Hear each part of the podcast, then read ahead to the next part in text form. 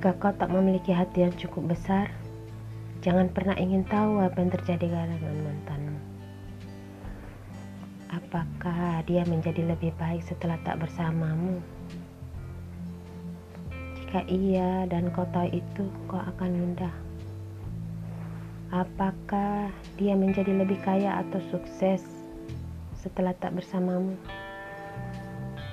Jika iya dan kau tahu itu, kau akan gundah. Apakah dia terlihat lebih bahagia setelah tak bersamamu? Jika iya dan kau tahu itu, kau akan gundah. Apakah dia memiliki pasangan baru yang lebih baik darimu? Jika iya dan kau tahu itu, kau akan gundah.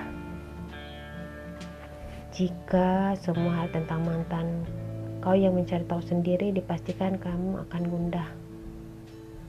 Jika tidak merasakan apa-apa, itu tandanya kau sudah berhati besar merelakan dia melepaskan dia dengan segala hal baik atau buruk yang terjadi setelah dia tak lagi bersamamu.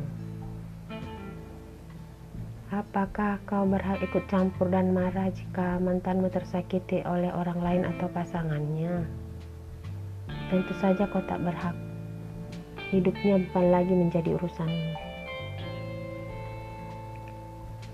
Apa yang terjadi jika mantan yang mendatangimu, menghubungimu, mencari alasan untuk bisa berbalas pesan denganmu?